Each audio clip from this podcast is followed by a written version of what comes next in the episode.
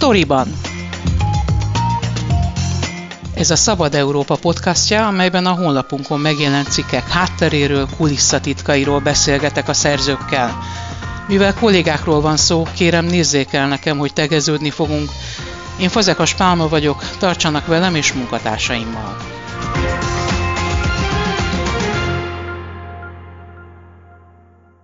A történet, amelyről most hallanak, úgy kezdődött, mint egy krimi. Tavaly tavasszal megkereste egy férfi Keller alántákos kollégámat, hogy van nála egy dokumentum, amely esetleg érdekelhet minket. Egy olyan dokumentumról van szó, amely egy Svájcba szóló rövidtávú munkavállalási regisztráció, méghozzá Orbán Viktor nevére, a miniszterelnök születési dátumával. Évek óta keringtek plegykák Orbán Viktor svájci útjairól, esetleges bankszámláiról. Gyurcsány Ferenc és Vona Gábor is beszélt erről, ám bizonyítékok soha nem kerültek elő. Annyi azonban bizonyos, hogy Orbán Viktor 2014. augusztusa és 2015. júniusa között több alkalommal is volt Svájcban. Arról, hogy pontosan mit is tartalmazott ez a titkos dokumentum, és hogy a több mint egy évig tartó oknyomozás végül mire derített fényt, Keller alántákost kérdezem. Hogyan jutott eh, hozzánk el ez a dokumentum, és ki az, aki felajánlotta? Megkeresett először e-mailben egy számomra akkor még ismeretlen ember, ember, aki rögtön egy titkos csatornára akarta átterelni a kommunikációt, mondván, hogy egy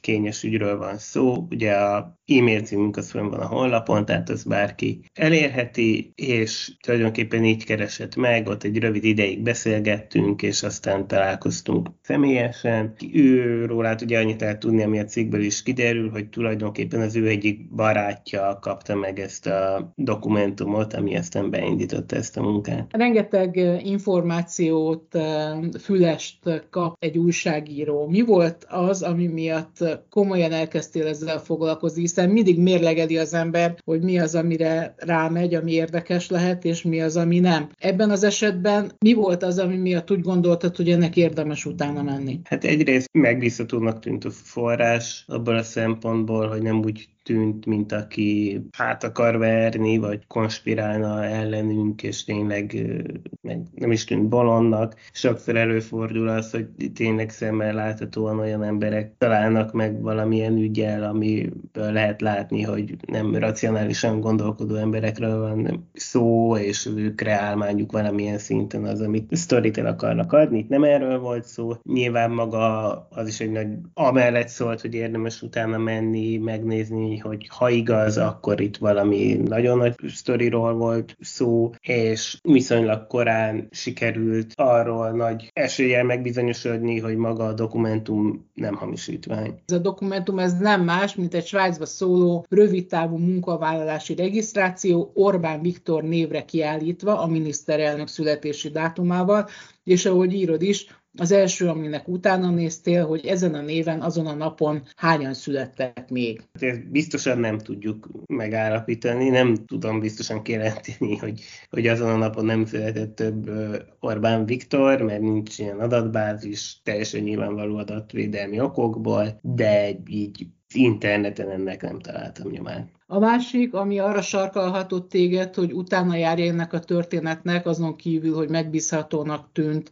a forrás, akitől az adathordozót kaptad, illetve az információt kaptad, az az, hogy gyakorlatilag 2000 14 nyarától, augusztusától több alkalommal is járt Orbán Viktor Svájcban. Nagyon nehéz volt megállapítani, hogy pontosan miért is ment oda a miniszterelnök. Közérdekű adatigényléssel kellett többször ezt kideríteni a sajtónak. Igen, mintha nem mindegyik út ad találgatásokra okot, de több is ezek közül, például amikor egyszer vonattal jött haza Svájcból, és nem tudjuk, hogy miért, de tulajdonképpen itt ugye az volt a gyanús elem, hogy ez az egész dokumentumnak a regisztrációja, ez még az előtt történt, mielőtt ezekről a svájci utakról értesülhetett a nyilvánosság, sőt, mielőtt ez az első furcsa svájci út megtörtént. És volt két másik momentum is, ez már a hazai belpolitikai élethez, illetve az ellenzékhez köthető. Gyurcsány Ferenc és Vona Gábor is beszélt arról többször nyilvánosan, hogy vélt vagy valós információik vannak Orbán Viktor svájci bankszámláiról, amelyek lehettek, vagy vannak. Vona Gábor azt mondta, hogy neki ajánlottak fel dokumentumokat, amelyek állítólag állítólag ezt igazolhatták, de ő viszont nem tartotta megbízhatónak a forrást, ezért nem is ment el a találkozóra. Hát igen, ez is csak azt erősíti meg, hogy ezek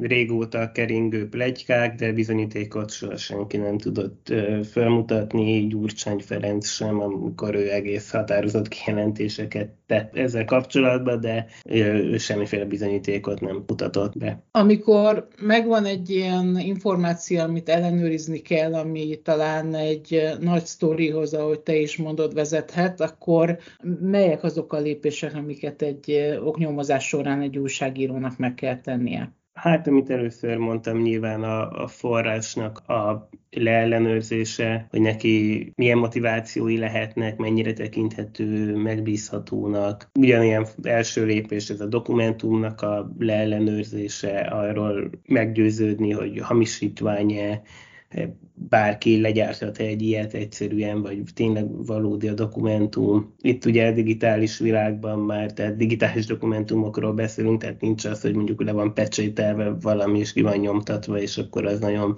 valódi, hanem akár egy szövegszerkesztővel, vagy egy Photoshoppal létre lehet hozni olyan dokumentumokat, amik hasonlítanak a, a valóságra. Aztán ezen a dokumentumon volt ugye név, egy nem, Orbán Viktor neve mellett ott volt a cég, ami őt foglalkoztatta, állítólag ugye, mint később időt nem, de hogy állítólag őt foglalkoztatta Svájcban, ennek is utána lehet menni, hisz a cégeknek van egy tulajdonos, ezek fenn vannak adatbázisokban, el lehet kezdeni online információt gyűjteni, amiből elég sok minden kiderül. Itt is felmerültek olyan dolgok, amik arra sarkaltak, hogy menjünk tovább, mert, mert furcsa dolgok, és akkor nyilván az online munkának is vannak korlátai, és akkor el kellett kezdeni személyesen érdeklődni olyan embereknél, akik értenek akár a svájci munkavállalásnak a feltételeihez, akár érti, ismerik a svájci bankrendszert, hogy, hogy ez hogy működik a hatóságoknak a munkáját, és akkor egy ponton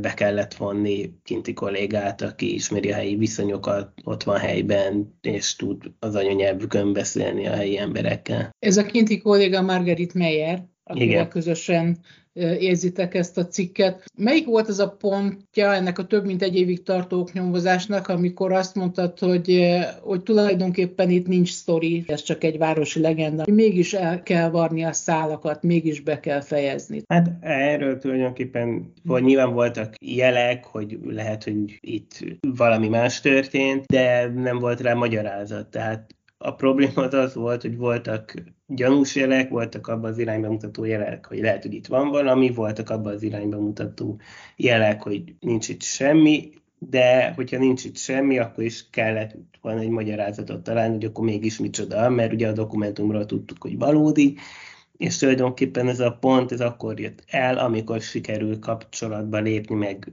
utána ki Svájcban találkozni azzal az emberrel, akinek a cégén rajta volt ezen a munkavállalási papíron, és akkor ő tulajdonképpen elmondta az ő verzióját a történetnek, és így ezzel így nagyjából összeállt a kép, de hát ez is ilyen teljesen krimiszerű volt, mert amíg őt próbáltuk megtalálni, kapcsolatba lépni vele, olyan volt, mint hogyha egy szellemet üldöznénk, úgy tűnt, hogy egy ember, aki valaha volt, aztán meg eltűnt. Az volt az érdekes ebben az egész sztoriban, hogy minden szálon elindultunk, ott ilyen nagyon furcsa dolgok voltak. Tehát most mondok valamit, ez a magyar embernek a svájci cége. Az egyik dokumentumon rajta volt, hogy ki az az ügyvéd, aki ezt végezte a cég alapítást. És akkor rákerestem az ügyvédre, akiről kiderült, hogy a Svájcban volt ügyvéd, de ma már Angliában táncos. Érted? Tehát ez is egy olyan dolog, hogy oké, okay, ez most itt micsoda. Tehát nyilván egy mellékszál és nincs köze a történethez, de ugyanilyen volt, amikor kimentünk ennek a magyar férfinek a korábbi magyarországi lakcímére.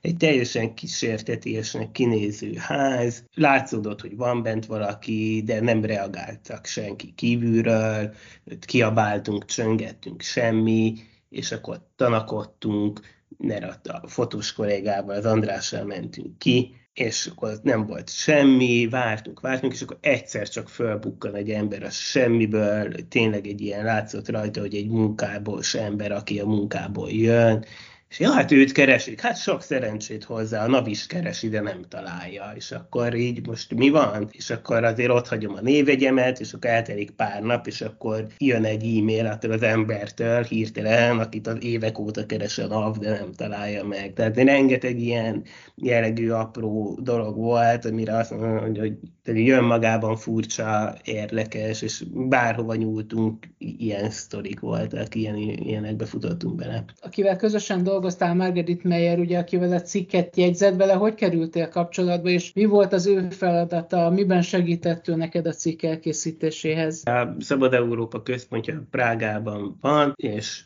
vannak nagyon sok újságíróink.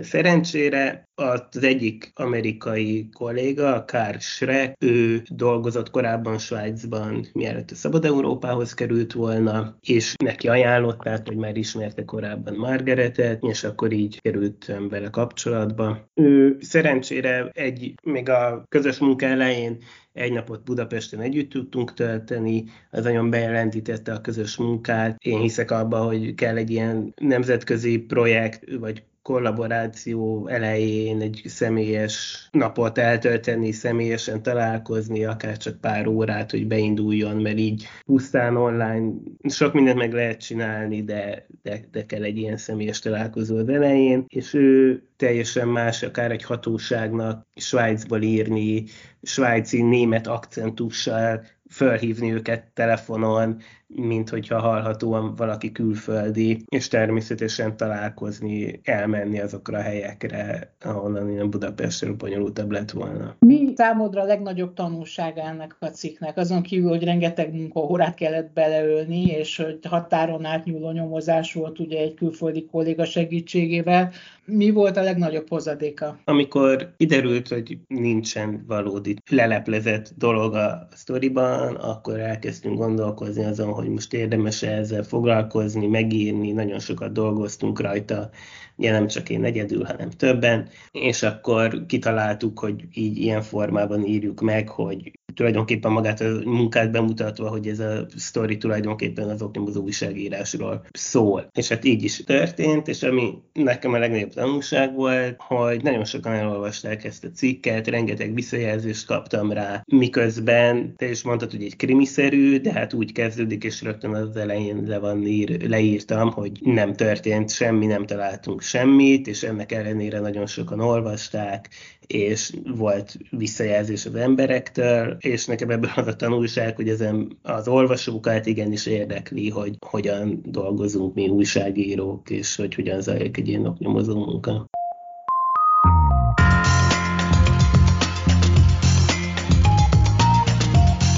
Ez volt a Storyban, a Szabad Európa podcastja, a honlapunkon megjelent cikkek hátteréről, kulisszatitkairól, én Fazekas Pálma vagyok, köszönöm figyelmüket munkatársaim nevében is.